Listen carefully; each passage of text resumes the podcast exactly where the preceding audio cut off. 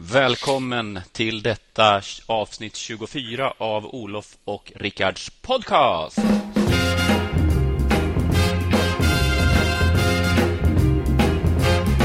You know I don't mind working and standing on my feet Cause I've got nine children and they sure got to eat And I don't mind working fingers to the bone But now listen, you got to let me go when my work is done Jag gick rakt på mm. sak där, Rickard. Ja, av någon anledning har det blivit så att det är alltid du som säger hej och välkomna faktiskt. Jag tycker det är lite orättvist. Du har säkert gjort det 20 gånger av de här 23 avsnitten nu. Ja, och, och, det ska jag lägga på minnet till nästa avsnitt. Men vet du vad många har frågat oss annars? Det har inte varit det, utan det har ju varit det här med vilken låt det är som spelas i introduktionen. Ja, jag har frågat dig massor av gånger också. Ja. Eh, vad heter han? Tex Williams? Nej, Joe Tex heter han. Tex. Joe Tex och låten heter I wanna be free. Ja, fan, jag hade fel på båda. Eh, precis. Vet du vad? I morse 05.00 ringde klockan. Eller mobilen ja. ringde. På Quality Hotel i Sundsvall. Jag ser klockan, jag vaknar till och sen så tänker jag så här, ah, nu får jag eh, kliva upp här så inte jag somnar om. Då hade jag redan somnat om. Och då var klockan 05.25 helt plötsligt. Så 25 minuter Jaha. av min tid bara, den bara försvann. Det kändes som en ja. ögonblinkning. Eller som Om du tappade bort någonting där, då kommer du aldrig få tillbaka det. Nej, precis. Och som Kent skulle ha sagt det, det var som en, en rörelse i ögonvrån och sen var det borta. Ja. Så jag kliver upp där. 05.38 går ju mitt tåg från Sundsvall, så du förstår att det var lite halvbråttom. Så jag löper ja. då genom Sundsvalls gator och inser att Stress är dels kopplat till... Det finns olika sorters stress. Folk tror ibland att du sprang ju till tåget, du som pratar om att man inte ska stressa. Men sån form av stress har jag inga problem med, alltså situationsbunden. Det är den här kroniska stressen som, som jag tycker är, är obehagligare. Men mm. i alla fall, jag ska fortsätta min, min lilla resa där. Eh, jag, jag strosade då full kareta, strosa full kareta, det är rätt hyfsat, mm. genom Sundsvalls gator och solen lyser. Och då inser jag att det är banne mig lättare att kliva upp tidigt och göra det man ska om man har en sol som lyser. Eh, det, det, talar emot mina egna principer att man inte ska styras av yttre faktorer, men den där fick jag tillstå mig den här morgonen att det spelar lite roll på, på mitt humör i alla fall. Men man styrs ju jättemycket av yttre faktorer. Det har vi pratat om flera gånger i podden också. Jo, men, jag, aha, okay. men jag ska bara fortsätta ja. resonemanget. Okej, okay, du har en historia här. Som Jajamän. Blir, så kommer jag till, eh, till Sundsvall central och jag märker att jag är i tid så jag kan börja pusta ut lite grann. Och Så står jag där med mina väskor och helt plötsligt så kommer en pojke och går rakt in i mig. Han, han spelar dataspel, så han går in i liksom ryggen på mig. Mm. Och vet du vad han säger? Mm. Aj! Som ja. att det var mitt fel. vet. Ja. Och sen så... Nitar du inte någon? Ja, jag, jag gillade bara just det här att man kan säga aj på olika sätt, eller hur? Ja. Man ja. kan säga aj, och då är det ju någon annans fel. Mm. Men man, också säga, man kan också säga aj, och då, då har man liksom tagit bort fingret väldigt snabbt. Eller så säger man aj! Då är det verkligen någon annans fel. betonings-SM idag. Så kommer jag ner då eh, och sitter där på tåget och, och, varje gång jag sitter på ett tåg så känner jag så att jag vill aldrig vara framme och det här kanske jag nämnt tidigare. Men jag sitter där och bara njuter och mår bra eh, inne på nätet. Jag kollar, fixar grejer, jag skriver ett blogginlägg. Kommer hem, ut med lillen, Malte då, en långis och sen så en, en dusch. Ja, nu tog, tolkar du det här fel. Eh, och så eh, en dusch och så packa väskan och nu sitter jag här. Snart ska jag till Göteborg, fullsatt Lisebergsteatern ikväll. Och varför jag berättar det här? Eh, för att jag skulle vilja ha lite, eh, visa lite vilken, vilken så att säga, ambition vi har. Jag menar, och vilken respekt vi har för våra lyssnare. Det här, det här är egentligen inklämt i vårt schema, men vi har ju slarvat. I söndags fick vi inte till det, i måndags fick vi inte till det, så att nu löser vi det. Ja, precis. Och vi ber om ursäkt för det, att vi inte har kommit ut förrän eh, idag. Vi, skulle, vi brukar komma ut på måndagar. Det är nog bara vi som inte har regelbundenhet i, i ut, utskicken, tror jag. Men eh, det var skönt att vi sticker ut på något sätt. då. Har du, har du sett Thomas Annars, Mattssons och, och Jan Helins podcast? då? Nej, jag har, jag har lyssnat på den. Ja, jag med. Har, du, har, sett... Nej, du har inte sett men, det, men du har lyssnat på det. Men, ja, men jag tyckte den var jättebra. Ja, eh, det, det, blev, i, man vill ha fler exempel på hur de har gjort publicistiska överväganden. Eh, det var väldigt mycket deras relation till Twitter. Ja. Och det, Eh, och det, det, det, blir väldigt sådär, ja visst, men alla har...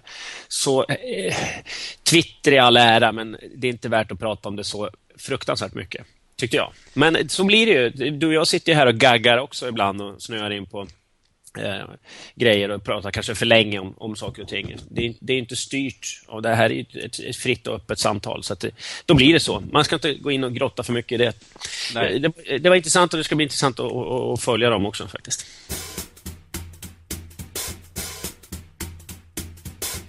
Vet du vad? Jag ska gå och hämta min, eh, min mobil bara snabbt, för jag har mina anteckningar där. Häng kvar.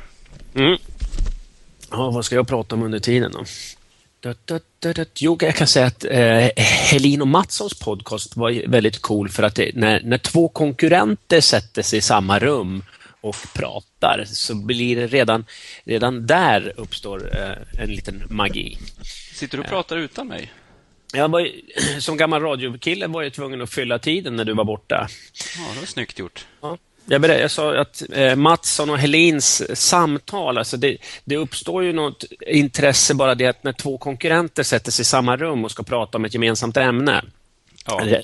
Redan där eh, är, är paketeringen intressant. Vi sågs i fredags du och jag, och på, på Pontus. Mm. Och så satt vänta, jag... Vänta ja. Det här blev ju en eh, annorlunda podcast. Sitter du kvar och lyssnar så är det min tur att försöka hålla låda där. Jag kan berätta för lyssnarna då att jag mötte Carl Philip i, eh, på väg runt Djurgården igår. Och ehm, Då kan du fundera på, hade han livvakt med sig? Han kom ju springandes där. Jag ska fråga Rickard vad han tror. Han kom löpandes i full mundering, bra tempo och eh, frågan man ställer sig, var han ensam där runt Djurgården eller hade han med sig någon livvakt? Ska vi se vad Rickard svarar. Ja, så här kan det vara. Jag kan berätta om två psykoanalytiker som möttes och den ena säger hej och då tänker den andra, undrar vad han menar med det. Fick ni den också?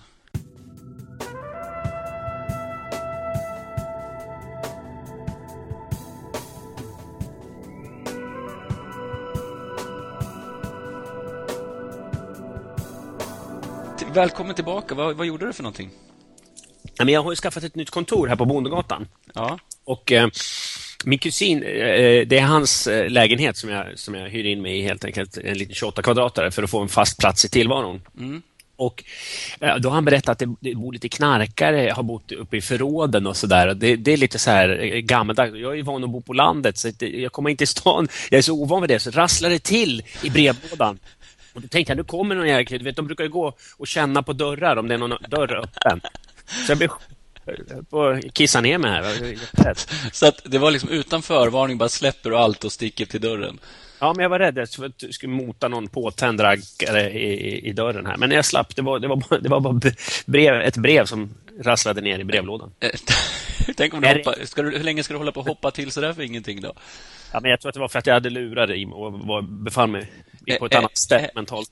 Är du en sån som, som eh, löser en sån situation om det skulle ramla in någon, någon sprutnarkoman där in i, i, i rummet? Ja, jag tror det. Jag tror att vi skulle kunna prata i alla fall.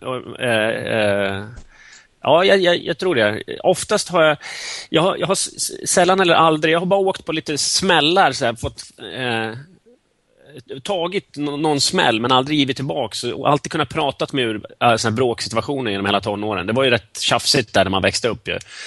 Och ibland fick man, fick man någon smäll på hakan sådär. Men då slog man inte tillbaka utan man bara gick därifrån eller sådär. Eh, eller sa att, att de var dum i huvudet och sen gick. Men eh, jag har pratat med ur extremt många situationer som skulle kunna leda till svår misshandel av en kille som inte kan slåss. Mm.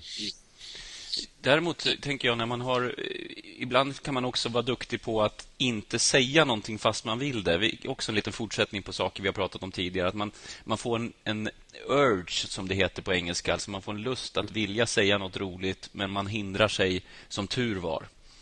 Och mm. I fredags på Pontus, jag var inne på det innan du, när du kom fram och sa hej, där du satt där med, med Therese, så satt jag där med Lasse Gustafsson, brandmannen, du vet. Mm. Och hans sambo Lena. Och så skulle Lena beställa efterrätt. Bor de i Göteborg förresten? Ja, de bor i Göteborg. Ja. Mm. Och skulle de beställa efterrätt så säger Lena ha, eh, marängsviss låter, kul, låter gott. Men eh, har du den utan glass och maräng är du snäll? Ja. ja. Och där blir man lite så här... Du menar alltså du ska ha grädde och chokladsås? Mm. Men jag älskar sån där logik. Jag har, eh, min morsa, vi, vi, vi, var hemma hos ett par eh, och vi hade en tax förut. Mm. Och då så stod de på ena sidan trappen och så var det, eh, eh kom man in och så gick en trapp ner i källaren.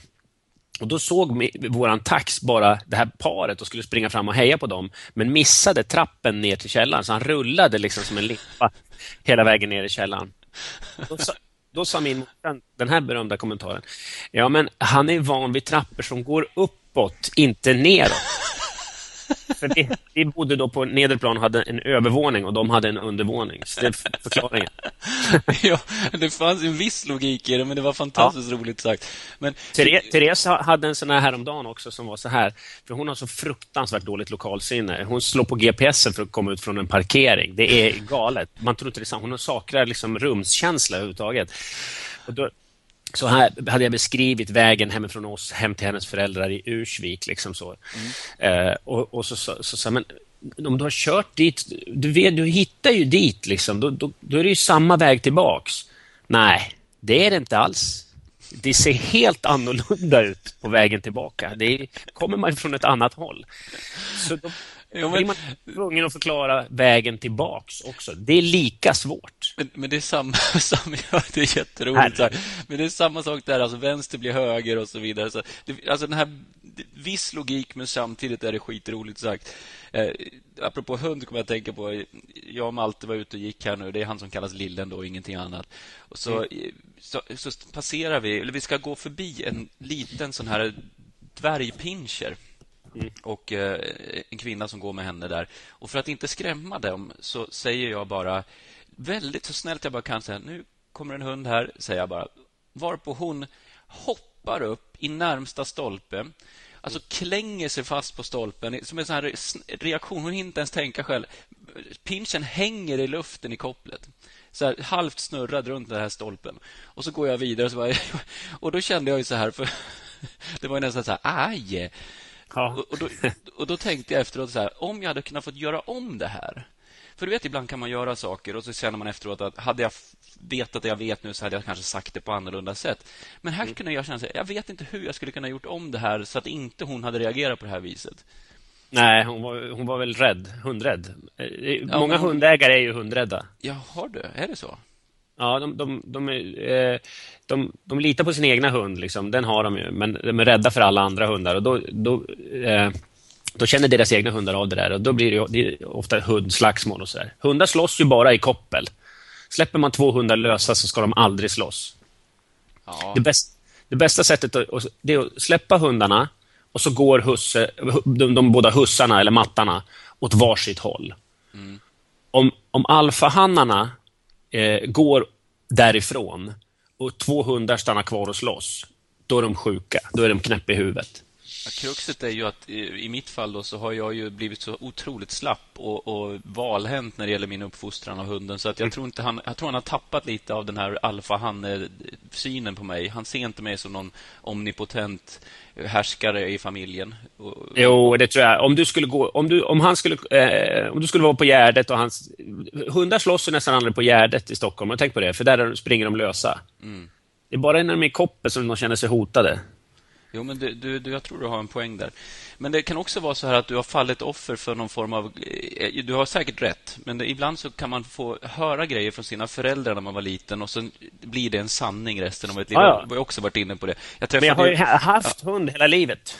Ja, det är okej. Okay. Eh, alla, alla hundar vi har haft har funkat så. så eh, det bästa sättet är bara släpp dem, spring, gå därifrån som husse. Om det, om det, eller så får man hålla i dem i koppel så att de inte får no, För just det där går att nosa på varandra i koppel, det är, det är, det är risky business. Alltså. Mm. Jag hade ju krupp när jag var liten. Eh, känner, känner du till den, den sjukdomen? Ja, precis. Ja, lite... grät, grät ordentligt då? Nej, ja, man får ju lite... Tarmvred? Nej, nej, nej. Det är andningssvårigheter i första hand. Du får lite svårt, det låter värre än vad det är, men man hostar ganska mycket och så får man lite stäm, eller vad heter det, ja, svårt att andas. Ja. Och då gick mamma omkring med en blomsterspruta och, och bara mm, med ånga då. Och fuktade luften. Ja, tror du att det finns någon vetenskap bakom den eh, metoden? Nej. Det visar sig nu, jag slog upp det här om dagen. Det finns ingen som helst vetenskap bakom det här beteendet. Du kunde ha fått legionärssjukan istället. Nej, men vet du vad som var det roliga då? Tydligen är det så många mammor och pappor som har gjort det här genom åren. Mm. Eh, så att det stod också att det, det, det är däremot ingenting, det händer ingenting, stod det som någon form av... Eh, så att man inte skulle ha dåligt samvete som, som förälder för att man har hållit på så här ja, man, det var aldrig någon som ifrågasatte det, utan det är ju självklart kör man ju vattenånga ja. med blomsterspruta. Va? Fint ju. Men eh, min morsa fick ju DDT-puffar. Vad är det då?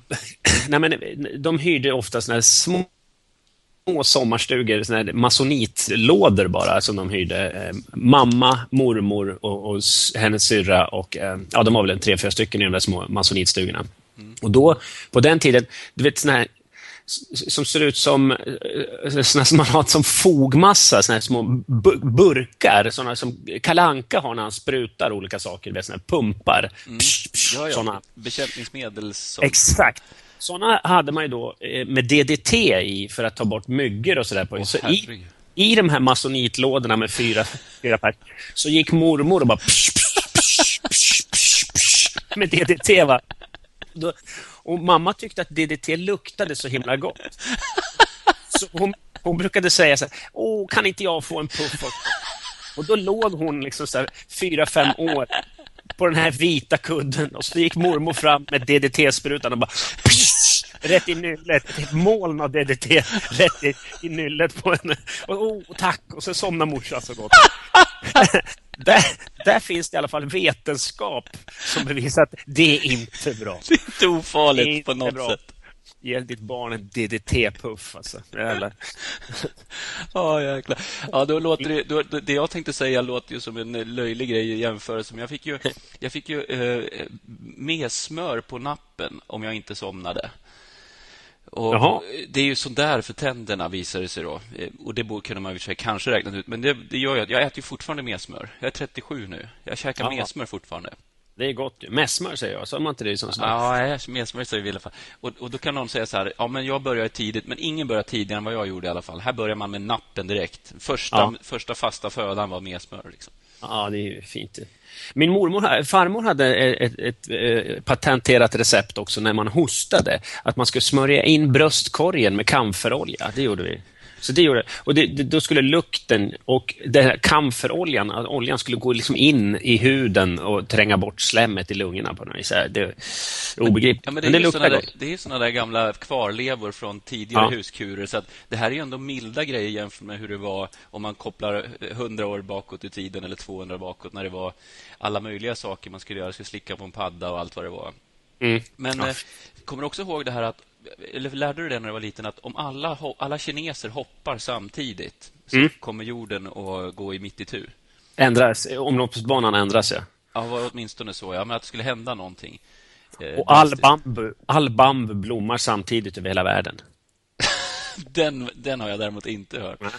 Men den är fin, den, den är lite vacker ändå tycker jag, att, att det finns ett kollektiv. Och sen, sen, den här The Butterfly Effect, den vet jag inte heller hur, mm. huruvida den stämmer, men det, den, den, känner jag mig mer bekväm med. Ändå. Den är mer sofistikerad, eh, känns mm. det som. Den andra känns som att det är någon snorunge på gatan som hittar på den där och sen så sprider det sig som en löpeld. Liksom. Ja.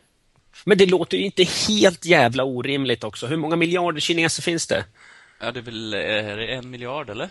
Ja, men om de skulle hoppa upp exakt samtidigt och knuffa till jorden i, liksom, att tyngden skulle komma just därifrån, att, att jorden skulle ändra sin omloppsbana lite grann. Finns, är, är det helt omöjligt? är, det, är, det, är, det, är det då? Är det är det? Är det? Ska ja, det, ska det, det, det känns som det är lika osannolikt som att, uh, må, uh, jo, vad ja, säger man, att men, kinesiska muren syns från månen, för det gör den tydligen inte heller.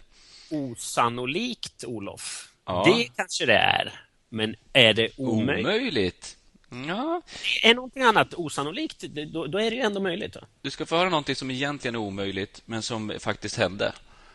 2009, sommar i Göteborg. Jag och vår, våra, våra två kompisar vi ska åka till Frankrike. Vi ska precis dra iväg. Vad gör Anna då? Jo, hon lyckas med konststycket att tappa ner nycklarna i hisschaktet. Och Då pratade vi om att hade du försökt hundra gånger så hade du 98 av dem åtminstone inte fått mm. ner dem i det där schaktet.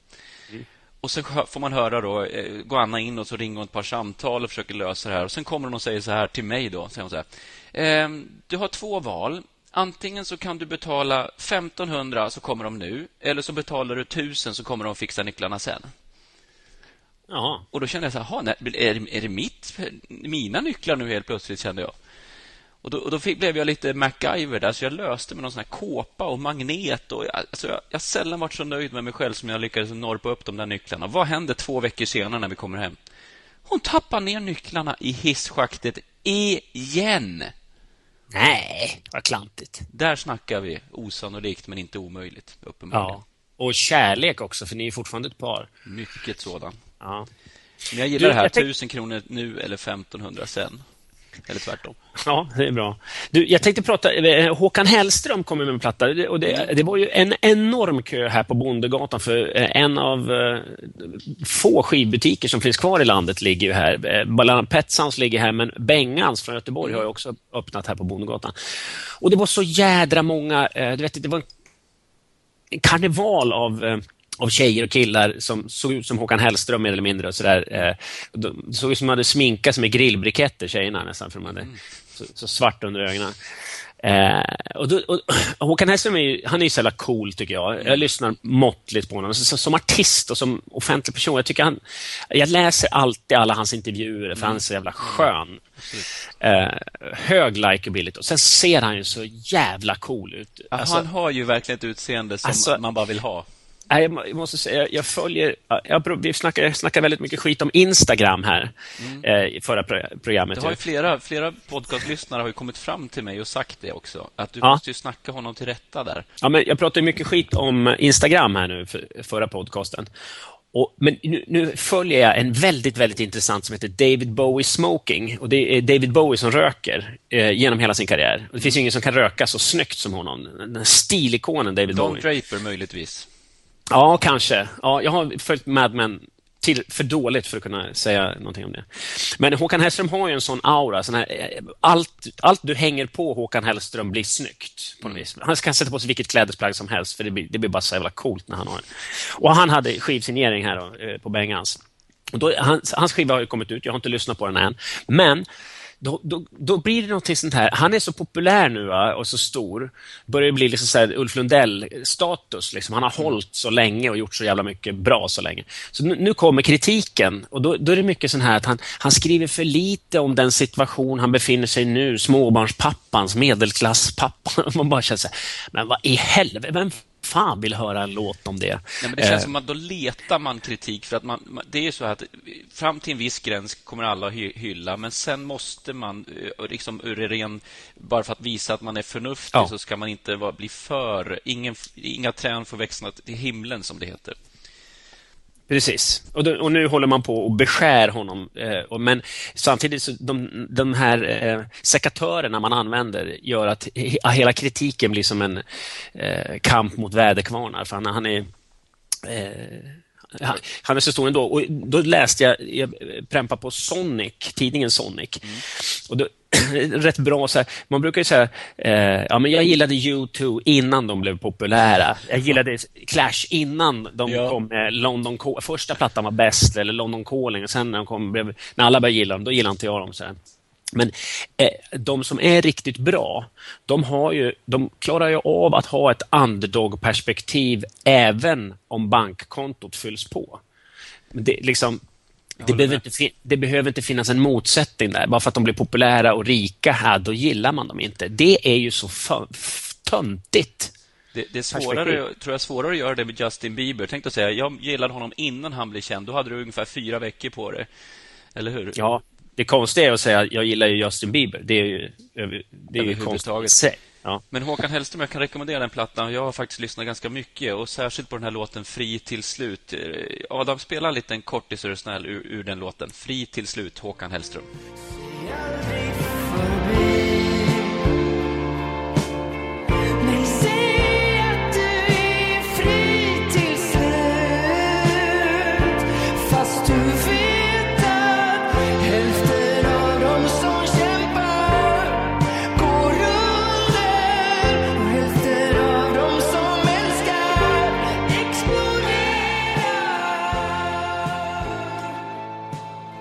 Har ju, tycker jag, en, precis det där perspektivet som du, du pratar om, tycker jag.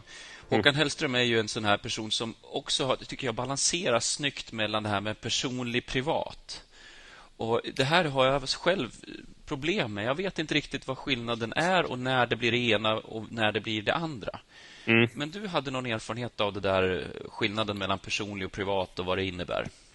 Ja, men jag har ganska lång erfarenhet av det. Från början, när jag började på radion, då var det väldigt mycket så här, man ska vara personlig men inte privat. Man fick lära sig det. Liksom. Och, eh, Hur och, definierar du det då? Ja, men då, då var definitionen ganska snäv. Man skulle säga att jag, jag tog en kaka. Det var, då, var det liksom, då var det personligt. Sa jag att det var en syltgrotta, då var det lite privat. Då var det så nära. Då för ingen, ingen bryr sig om vilken typ av kaka du äter. Det är privat. Men att du äter en kaka, det kan du berätta. För, förstår du hur jag menar? Det, ja, fast men, du får gärna ta ett exempel till så ska jag se om jag hänger med ännu bättre. Eh, jag Ja, men jag, jag kan säga så här istället. Jag, jag, definierade om det där ganska snart. För, för mig är personligt någonting som man kan relatera till, som alla människor kan relatera till. Jag, ehm, eh, jag förlorade ett barn i femte månaden eh, och då skrev jag eh, rätt brutalt om det. Jag skrev liksom hur det lät när det här fostret landade i plåthinken på SÖS. Eh, och det tyckte jag var väldigt personligt skrivet. Alltså det, det, det, för nästan alla människor känner någon eller har råkat ut för det själva, att man förlorar ett barn i, under en graviditet. Och det är jättejobbigt, det är inte många förhållanden som håller efter det. Marcus Birro har också råkat ut för att skrivit om det. Det tycker jag är att skriva personligt. Eh, privat blir det när, man, när, folk inte kan relatera till det. Om jag skulle skriva till exempel att eh, ja, men, nej, jag gillar att sova med blöjor och ha mexikansk brottarmask på mig. Det kanske är lite för privat. Det, kan, det, här liksom, ja, men det där kan inte folk relatera till. Men, men är det inte snarare men, så, ursäkta avbryter, Ursäkta, jag avbryter Rickard, men menar du inte, är det inte snarare så att, att man själv drar gränsen när man säger att det här vill jag inte berätta? Berätta. Jag menar, om du tar, tar vad heter han, ehm, vad heter han, Mårten Anderssons eh, Värvet-intervju, som jag tyckte var fantastisk. Där är han ju oerhört personlig, men det är trots allt han själv som väljer vad, vilka frågor han vill svara på. Och, och jag menar, är det inte lite grann så att man själv gör den, den, drar den gränsen, eller hur funkar det? Jo, det, kanske, det kanske är så, helt enkelt. Det, det kanske inte är svårare än så. Men, du, men du har, man har ju en omgivning också som man kanske berättar saker om som inte vill som drar en helt ja. annan gräns. Har du någon erfarenhet ja, men, där? Ja, nej, men jag, jag, tänkte bara, många, många förväxlar ju integritet med eh, eh hem, att vara hemlig också. Eh, att, att man får stor integritet när man inte berättar någonting om, sin, om sig själv. eller sådär. Men det är ju bara att vara hemlig och det är inget svårt. Det, liksom, faktiskt. Greta Garbo, det är inte du så imponerad av, den, den sortens... Ja, det är inte integritet, det är bara hemlighet integritet är ju... Eh, Morrissey träffade jag en, en, en gång. Ja. Vettmansvänget. Eh, där, där, var det sån integritet i det rummet han var i. Så att det var... Det, det, liksom man bara... Man, bara eh, man vågade inte... Alltså, jag träffar många såna där celebriteter, men, men, det brukar inte vara något problem, även om man liksom har lite kändisfrossa. Men med Morrissey var det så här, äh, men honom, vad ska man prata med, vad ska jag säga? Vad han, det kändes att han inte ville att någon skulle prata med honom och då gjorde ingen det heller. Så ja. enkelt var det. det. Det är en otroligt stark integritet. Men, men, du hade något exempel på dina, eh, var det dina föräldrar ja, eller någonting? Ja, men, jag har, både min, eh, min exfru har ju varit med mycket i, i kröniker och hon var med och gjorde radio med mig också, vi, vi liksom hemifrån, så där, hemma hos. Eh, och var, var rätt så här, eh, mycket. Men, men till slut så tyckte hon att det blev för mycket och då, då blev hon liksom ett offer i, i någon slags tredje person. Jag vill inte vara med om det här. Du, du pratar om det vi gör hemma och du pratar om vårt förhållande och, och jag... Folk kommer fram till mig och eh, du ska inte lämna ut mig. Så, så. Uh, och, och det, det, får man ju bara respektera då. Eh, det, och det blir ju en viss svängning. Och morsan har också, uh, har jag också pratat mycket om. Och jag berättade nu om DDT-puffen och, mm. och såna grejer. Och hon har också blivit hyperkänslig för allt jag överhuvudtaget säger om henne. För att hon, hon, dels så ser hon det som kritik, vilket det inte är. Eh, och det går liksom inte att förklara att det inte är det, för hon har, det är hennes upplevda sanning. Och jag bryter inte igenom den. Och, eh, och så kommer det väninnor och kommenterar då det jag har sagt och, och då, då, då, känner hon att, att jag är på något vis elak eh, och på hennes bekostnad och att, eh, att hon är en bricka i mitt spel som inte hon vill vara. Så det, det, så det, det, det, är ju alltid när tredje person drabbas av att man är personlig eller eh, vad man, när man berättar någonting. Mm. Jag, jag, tror att folk ska kunna identifiera sig med den här historien eller tycka att den är rolig. Och så drabbar en tredje person. Då blir det jävla svårt att hantera det. Ska man göra det? Ska man kalla det konst och säga ja men du, det är mitt val. Då får du gå ut med... Om Anna Wahlgrens dotter skriver en bok om sin uppväxt, då får Anna Wahlgren skriva motboken i så fall, om du har någon annan bild du vill ge. Men, men det, ja... Men det, det är alltid svårt. Ändå. Jag, det, under 2012 och under 2013 så har det ju varit ett dokumentär-tv-team som har följt mig. Och mm. Eh, den första diskussionen som var då var ju eh, om Anna skulle vara med. För att jag menar, om de ska följa någon i en vardag och, visa hur det är så, så kanske det är lämpligt att ha med de som man umgås med. Men mm. Anna vägrade ju. Hon vägrade vara med. Mm.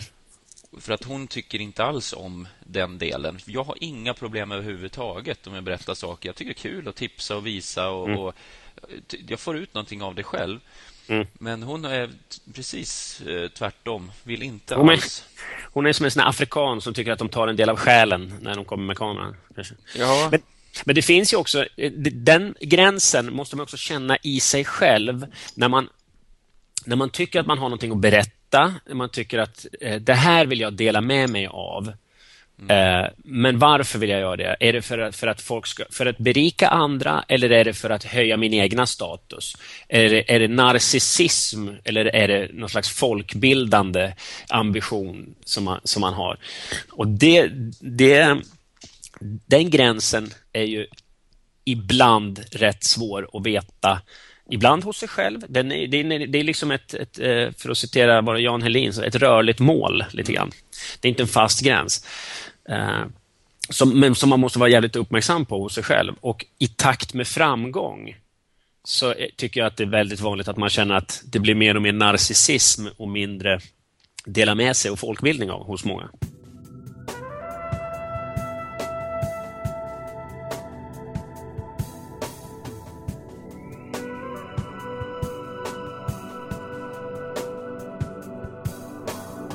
Det, det, är så lätt att, om man, om man, att folk skapar sig en bild av en som eh, man sen fastnar, man fastnar i en bur av det där. Jag vet inte mm. om det har med, med personlig privat att göra, men jag kan tänka mig att det, det, det kan leda till att man sen ja. inte vill Mm. Jag gjorde en intervju här eh, nyligen med eh, LO-tidningen, Arbetet heter tidningen. Mm. Och, eh, och då kom det upp igen så att, att, att jag skulle vara lite politiskt inkorrekt. Att jag liksom hamnar i, i, i, det är folk som anmäler, granskningsnämnd och så här. Och, men hon hade ändå gjort sin läxa, vilket var jävligt skönt. För, för, för hon sa så här, men upplever du dig själv som politiskt inkorrekt? Nej, faktiskt inte. Jag säger liksom, det, det, det är mera liksom någon slags bondförnuft. Sådär. Man, många människor är ju de är för fri invandring, de är för saker och ting. Och sen när de här invandrarna eller när flyktingförläggningen kommer in i området, när det blir nära, mm. då vänder de helt plötsligt liksom, på, på, på, sina åsikter och tycker att nej men eh, mitt hus går ner i, i pris när de här kommer in. Och, ja. och, så, och, och, då, och då har de ju liksom inte tänkt igenom och tänkt tanken till dess slut. Nej, men det är väl ofta så att det, det, går ju an att säga att det ska vara kärnavfall kan vi dumpa någonstans så länge det inte drabbar vårt område. Och så länge personer inte bor som inte du tycker om eller vad det nu skulle kunna vara, inte drabbar dig. Mm. Det, det, det, då är det väldigt lätt. Så att, var det så ja, det alltså, hon menade? Eller? nej, men, alltså, jag, jag kan tycka att politiskt korrekt är Eh, lika farligt, eller liksom det, det, är ju farligt om man inte tänker tanken till dess slut, om man inte använder ett bondförnuft också. Eh, för vi pratade om det här med främlingsrädd. Jag har skrivit någon krönika om att, mm. att jag kan vara främlingsrädd. Eh, men, men man får ta upp det i huvudet och argumentera med det. för att eh, om jag är i Hallonbergen och går där i tunnelbanan så är det inte det att de är fientliga, de som jag inte känner igen, utan det är för att jag inte kan koderna och jag är obekväm i situationen. Mm. Och då kan jag välja att argumentera med mig själv eller så kan jag välja att säga de där är ju hotfulla, det här känns läskigt. Så. Och då blir man då blir man gärna eh, mot invandring till exempel. Man kanske blir sverigedemokrat. Och jag, tycker, jag brukar ju säga att det är det rädda partiet. De rädda. Mm. Och då, därför vill man inte vara med dem.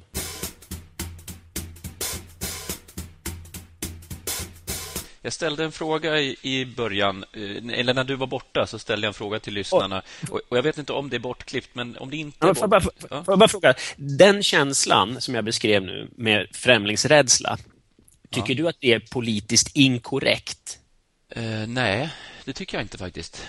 Uh, och för att då citera Jan Helin så kan jag säga att jag, gill, jag tycker inte du har fel i sak, men jag har inte de rätta argumenten ännu till varför jag tycker det. Uh, så att jag, jag är med dig. Det, det kan ja. bli lite, lite skenheligt sådär när man säger det som vad är det, vad kallar man det för? Ja. Läpparnas bekännelse eller någonting sånt? Ja, precis. Alltså, precis. Ibland blir det så att någon måste säga att kejsaren inte har några kläder. Ja. Eh, jo, men ja, ja. Jag, ställde en, en, fråga innan som kanske är bortklippt nu, men jag sa att jag mötte Carl Philip när jag gick runt Djurgården och så kom mm. han spr springandes där och då tänkte jag skulle fråga dig, tror du att han hade livvakt med sig? Ja, det är klart han hade. Nej, han hade ingen livvakt. Jag blev paff. Mm. Är inte det märkligt? Eller säger det någonting? han var ett rörligt mål, helt enkelt. Du, jag ville eh, av, av eh, sluttampen här, tack kära ja. lyssnare för att ni har uh, lyssnat återigen på en liten kortare variant på Olof och Rickards podcast. Rickard som har, Rickard som har en Rickard Olsson, en Rickard Olsson på Twitter och Olof som har att Olof Rolander och jag finns även på Instagram och det gör ju även du Rickard, eller hur? Ja. Även om du är lite skeptisk, men du, du kommer. Du, eh. ja, vi har ju två minuter kvar innan, innan du måste sticka. Ja. Och jag tänkte bara skicka med en så skön... Jag, jag kom ihåg det här när jag åkte till eh, kontoret idag. Emil Sola skrev en bok som heter Hallarna. Mm. Eh, och där, I den boken så beskriver han eh, frukthandlaren till exempel har ju äppelkinder och eh, slaktaren är blek och har lite rosa, ser ut som en gris i hyn och, och, och sådär. Tänk på det, eh, hur ofta man brukar prata om hundägare, att de ser ut som sina hundar, de är ganska lika sina hundar. Men jävlar när du går in till en slaktare vad de ser ut som gri grisar. Men de ser, och, eller frukthandlare, de här, så här. Och han, han var ju helt övertygad om det, Sola, att jobbar man med frukt så fick man äppelkinder. Ja. Jobbar man med griskött så såg man till slut ut som en, som en gris där, eh, i de här beskrivningarna. Så, eh, att, att man ser ut som, som sitt yrke också. Det är lite roligt. Ja, Anna, Anna var ju inte en eh, sån nyckel... Vad heter de här? Låssmed här nu då. Mm. Och, det, var, det var bara hon i hela butiken. Och så, hade, och så skulle de fixa någonting och så skulle de komma tillbaka efter en halvtimme. Och ingen hade varit inne i butiken på hela halvtimmen. Det var helt uppenbart. Och så kom hon dit. Ja, det var jag som... Ja, det var du ja. Det var du ja som var med nycklarna. Låtsas som att liksom hade kommit in 40 kunder in. Och Han såg mm. ut som en nyckel tydligen, berättade hon. Liksom. Det ja. var, det var, var, han var komplicerad fast egentligen var det, bara, egentligen var det enkelt. Men spelade och säkert komplicerad. jättesmal och taggig. ja, det är bara roligt. Ja, eh, vad heter Apropå personlig och privat, jag måste bara berätta. Ja. Eh, en gång när jag var ute och åt så helt plötsligt så tar den här kvinnan och sätter fingret på ögat och mm -hmm. tar ut linsen ur ögat och snärtar linsen rakt ner i efterrätten som hon är färdig med. Så där, där bara sitter en lins mitt, alltså under måltidens gång. Men, och den kommer jag aldrig se. Den ser man ju. Linser är osynliga. ja. Men då säger hon så här, ja, du vet, för man blev ju ändå så här, allting bara stannade upp. Och Då berättade hon att ja, men jag, jag var klar med den och så där och försökte mm. förklara. Och så sa hon så här att fast mitt ex tyckte inte om det här när jag gick och la mig och så snärtade jag ju bara ner den där i sängen. Och då kände man så här, nej, eh, för det första kändes det då, det gick över från personligt till privat. Nej. Där var gränsen. Exakt så. Ja. Plus att man kände visst eh, sympati för det här exet ändå. Ja, verkligen. Det kanske var därför han, han blev ett ex. kanske var hans val, helt enkelt. Eh, ett sista eh, citat. Som, eh, vi har ju folk uppskattar ju mina citat i den här podcasten. Ja. Eh, det här ska vi skicka med er. Eh, man vet att man börjar bli gammal när drömmarna är torra och fisarna blöta. Hej då! Hej då!